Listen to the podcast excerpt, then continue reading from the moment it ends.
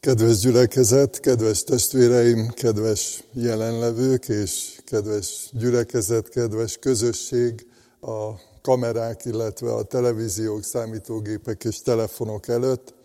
Egy olyan témát hoztam nektek, ami az elmúlt héten nagyon sokat foglalkoztatott, de azt gondolom, hogy szinte mindenkit, aki ma itt él Magyarországon, Európában, illetve most már világszerte, mit kezdjünk ebben az élethelyzetben, ebben a szokatlan élethelyzetben. Generációk nőttek fel úgy, hogy, hogy ismeretlen számukra ez a fajta veszélyérzet vagy veszélyhelyzet, és nyilván gondolkodnunk kell azon, hogy mit kezdünk a, a félelmeinkkel, és hívő emberként, Krisztus tanítványaiként is elgondolkodtató az, hogy vajon a félelemnek van-e helye, van-e keresni valója valamilyen értelemben a, az életünkben, vagy hogyha észrevesszük magunkon azt, hogy szorongunk, vagy félünk, vagy bizonytalanok vagyunk, akkor ezzel a félelemmel mit tudunk kezdeni. Egy olyan időszakban élünk, amikor nagyon hullámozhatnak az érzelmeink, cikáznak bennünk a, a gondolatok, és ebben a bizonytalanságban, illetve ebben a változatosságban ilyen értelemben sokféle üzenet jut el hozzánk az internet segítségével, az üzenetek segítségével, a videóüzenetek segítségével, és nagyon sok bátorító üzenet van azzal kapcsolatban, hogy nem kell félni. Ne félj, mert megváltottalak. Ézsajás próféta írja ezt a bátorítást. Nem a félelem lelkét kaptuk, írja Pálapostól. Mégis sokszor hívő emberként, tanítványként is, Krisztus tanítványaként is van bennünk félelem. És felvetődik az a kérdés, hogy, hogy szorongunk-e, illetve hogy ez baj-e, hogyha van ilyen félelmünk, illetve szorongásunk. Mit tanulhatunk a Bibliából, a Szentírásból, a félelemről? Az a nagyszerű hír és üzenet és ajándék, hogy a Szentírás Isten üzenete a végső tekintély számunkra. És éppen ezért, amit a Szentírásból, a Bibliából olvashatunk, segít nekünk abban, hogy hogyan igazodhatunk el egy ilyen veszélyhelyzet, egy ilyen járvány idején. Néhány bibliai példát szeretnék elmondani arról, hogy bibliai személyeknek, Dávidnak, Pálapostolnak, sőt magának az Úr Jézus Krisztusnak is milyen szorongásai, félelmei lehettek. Az első, Dávid gondolata, ha félek is, benned bízom. Egy olyan élethelyzetben volt, amiben valóságos volt a szorongása, a félelme, az ellenség elfogta őt, fenyeget, egyáltalán a létezése, az élete volt veszélyben, fenyegetettségben. A másik példa Pálapostól, aki azt írja a korintusi levélben, hogy amikor megérkeztünk Macedóniába, mindenféleképpen gyötrődtünk, kívül harcok, belül félelmek.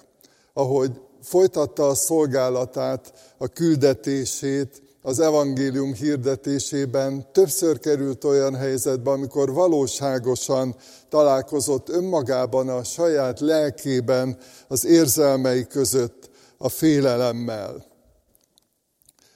Magáról, az Úr Jézusról olvassuk a szenvedés történet elején, hogy amikor az elhagyatottságát érezte, mély szomorúságban volt, azt írja az evangélista, az Úr Jézus maga mellé vette Pétert, Jakabot és Jánost, aztán rettegni és gyötrődni kezdett.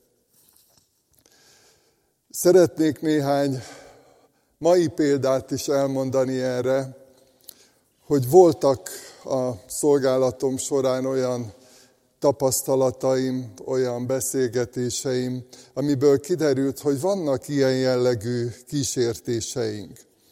Az egyik, akit szeretnék említeni, őt Jutka néninek hívták, 85 éves volt, amikor egyszer azt kérte tőlem, hogy imádkozzak érte, mert fél a haláltól.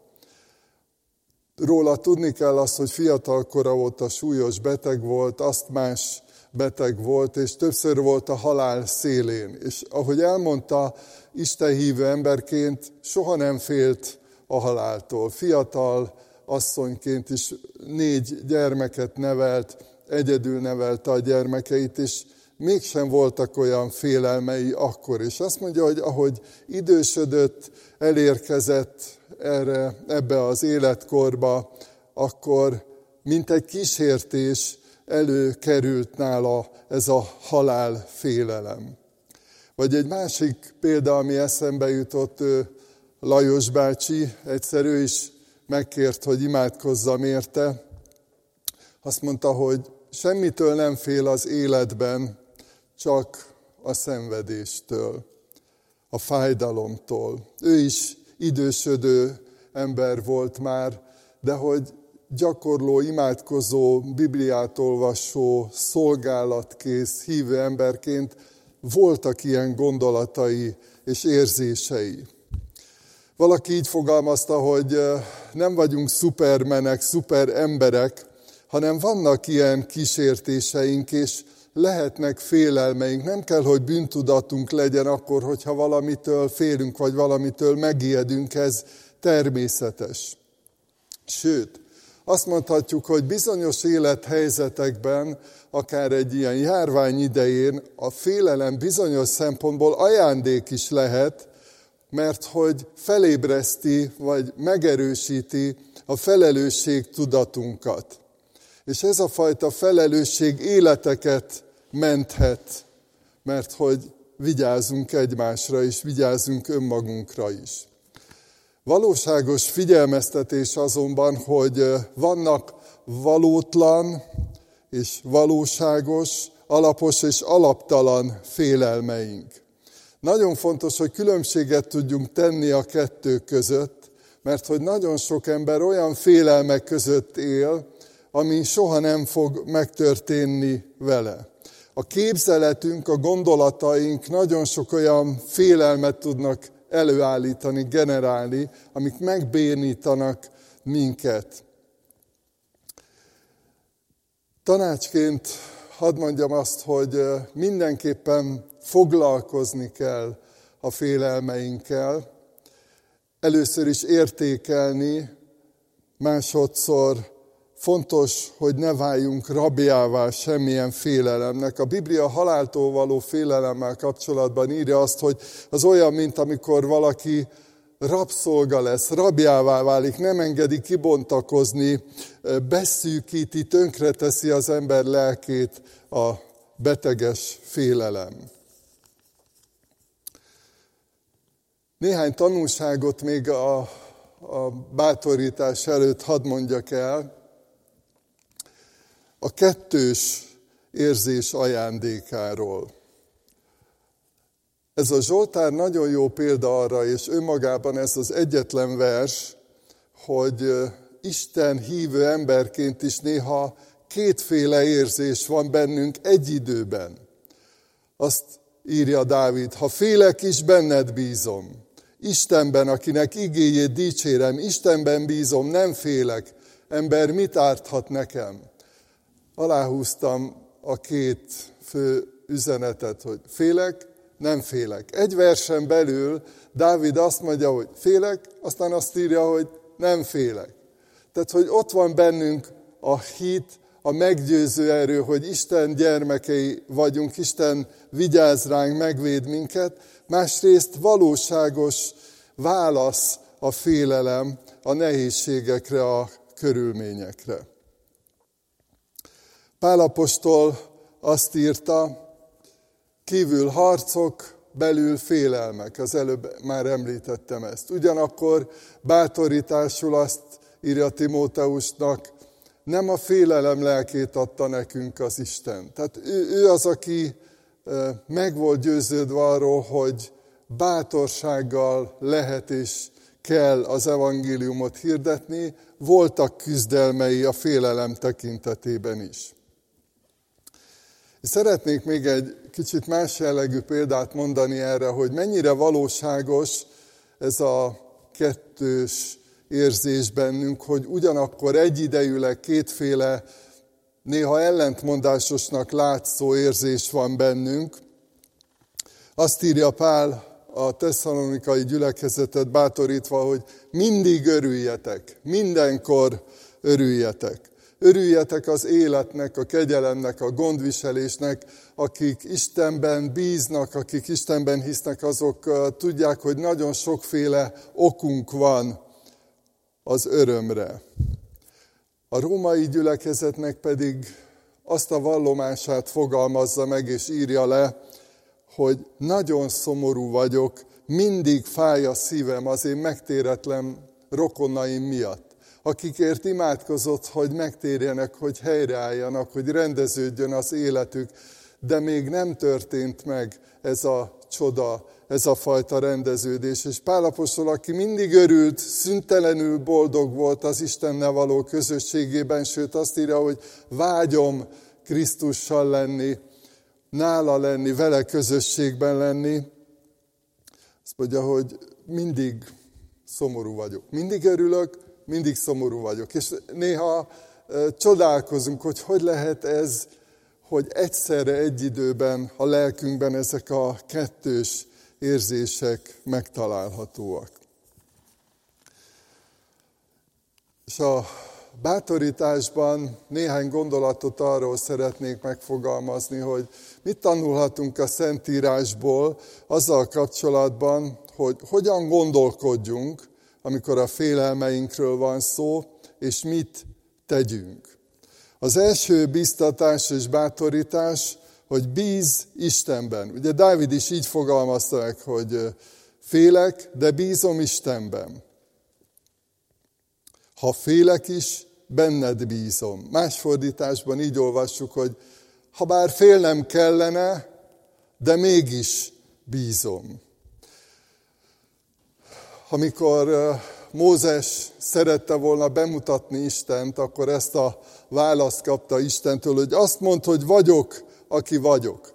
Az örökké való, az örökké létező, az élet valósága, maga az élet. Jézus Krisztus önmagáról is megfogalmazta, ezt én vagyok az út, az igazság és az élet, az élet lényege. És ezért az élet forrásában magában az örökkévaló Istenben bízhatunk.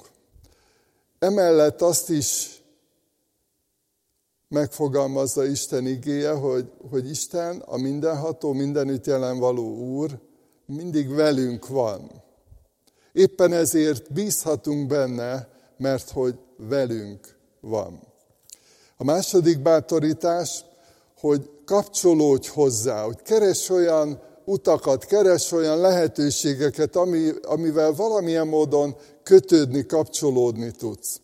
Nagyon szép példája ennek az a gyermekekkel történő és, és gyakran megtörténő esemény, amikor mondjuk jön egy ismeretlen állat, egy kutya feléjük, és akkor odaszalad a szülőhöz, fölkéreckedik, átöleli, a szülőt, a, a nyakát megszorítja, odabújik hozzá. Egy olyan kapcsolat alakul ki, amiben biztonságban érzi magát. Amikor veszéllyel találkozik, akkor a szülei ölelésébe menekül a gyermek. És azt írja Isten igéje, hogy mind boldog, aki hozzá menekül, mind boldog, aki a veszélyben is így Istenbe kapaszkodik, átöleli Istent, mint ahogy a, a gyermek a szülőt a veszélyhelyzetben. A második Zsoltárban van egy eh, bátorítás ezzel kapcsolatban. A 12. versben ezt olvassuk. Csókoljátok a fiút, hogy meg ne haragudjék, és el ne pusztuljatok az úton, mert hamar föllángol haragja, de mind boldog, aki hozzá menekül. Nem azt mondja a Biblia, hogy nem kell komolyan venni a veszélyt, nem kell komolyan venni az ítéletet, nem kell komolyan venni a tragédiát, hanem azt mondja Isten ige, hogy boldog az, aki hozzámenekül, aki kapcsolódik Istenhez. Beszélj róla. Mit tegyünk ebben a helyzetben? Sok olyan ember van körülöttünk, akinek ránk van szüksége. Egy mondatunkra, egy rövid, vagy lehet, hogy egy hosszabb beszélgetésre. Pálapostól vívódott, hogy Korintusban maradjon-e. És azt olvassuk a cselekedetek könyvében a 18. fejezetben, az Úr egy éjjel látomásban ezt mondta Pálnak, ne félj, hanem szólj és ne hallgass, mert én veled vagyok, és senki sem fog rád támadni és ártani neked, mert nekem sok népen van ebben a városban. Ne félj, hanem szólj, és ne hallgass. A veszélyben is fontos a szó, a megfogalmazott bátorítás, a megfogalmazott Istentől érkező üzenet. És szolgálj. Lukács evangéliumában olvassuk ezt az igét. Félelem nélkül szolgáljunk neki, szentségben és igazságban ő előtte életünk minden napján. Mérhetetlenül nagy a szükség ma. Nagyon sokféle tevékenység van, amiben be tudunk kapcsolódni szolgálatként a lelki gondozás szolgálata mellett, az időseknek való segítés szolgálata, sokféle olyan munka, amit maga Krisztus is végzett földi élete, földi munkálkodása során. És mi Jézus Krisztus munkájának, szolgálatának a folytatásaként ezt tehetjük. Félelem nélkül szolgálunk Istennek, félelem nélkül szolgálunk azoknak, akiket Isten ránk bízott. Érezzük, és azt gondolom, hogy tapasztaljuk is, hogy valóságosak lehetnek a kísértéseink, valóságosak lehetnek a félelmeink, de arra bátorít Isten igéje, hogy kapaszkodjunk Istenbe, meneküljünk hozzá, kapcsolódjunk hozzá, fogadjuk el, vegyük át azokat a gondolatokat, üzeneteket, erőforrásokat, bátorításokat, segítséget, amit ő nyújt nekünk. Most ezért fogunk imádkozni. Mennyei atyánk, hálát adunk azért, hogy elküldted a megváltót ebbe a világba, erre a földre. Köszönjük neked, drága Úrunk, hogy megajándékoztál minket a bűnbocsánattal, a kegyelemmel.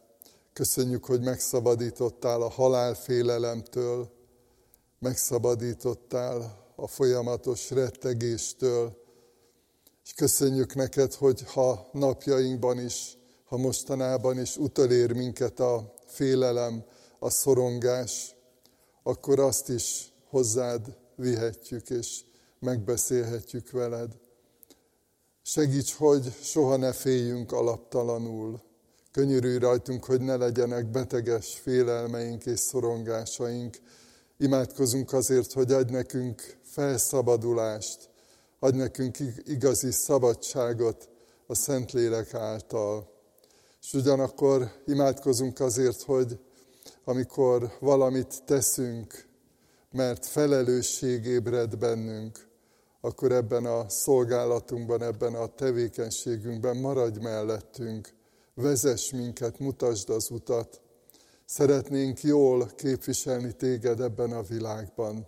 Kérünk téged, drága Istenünk, hogy vigyázz ránk, vigyázz a mi szeretteinkre, vigyázz a hozzánk tartozókra, az idős rokonainkra is, és minden családtagunkra, minden szerettünkre, minden barátunkra is. Könyörgünk azért, hogy őrizd meg minket ebben a veszélyhelyzetben, és könyörülj rajtunk. Amen.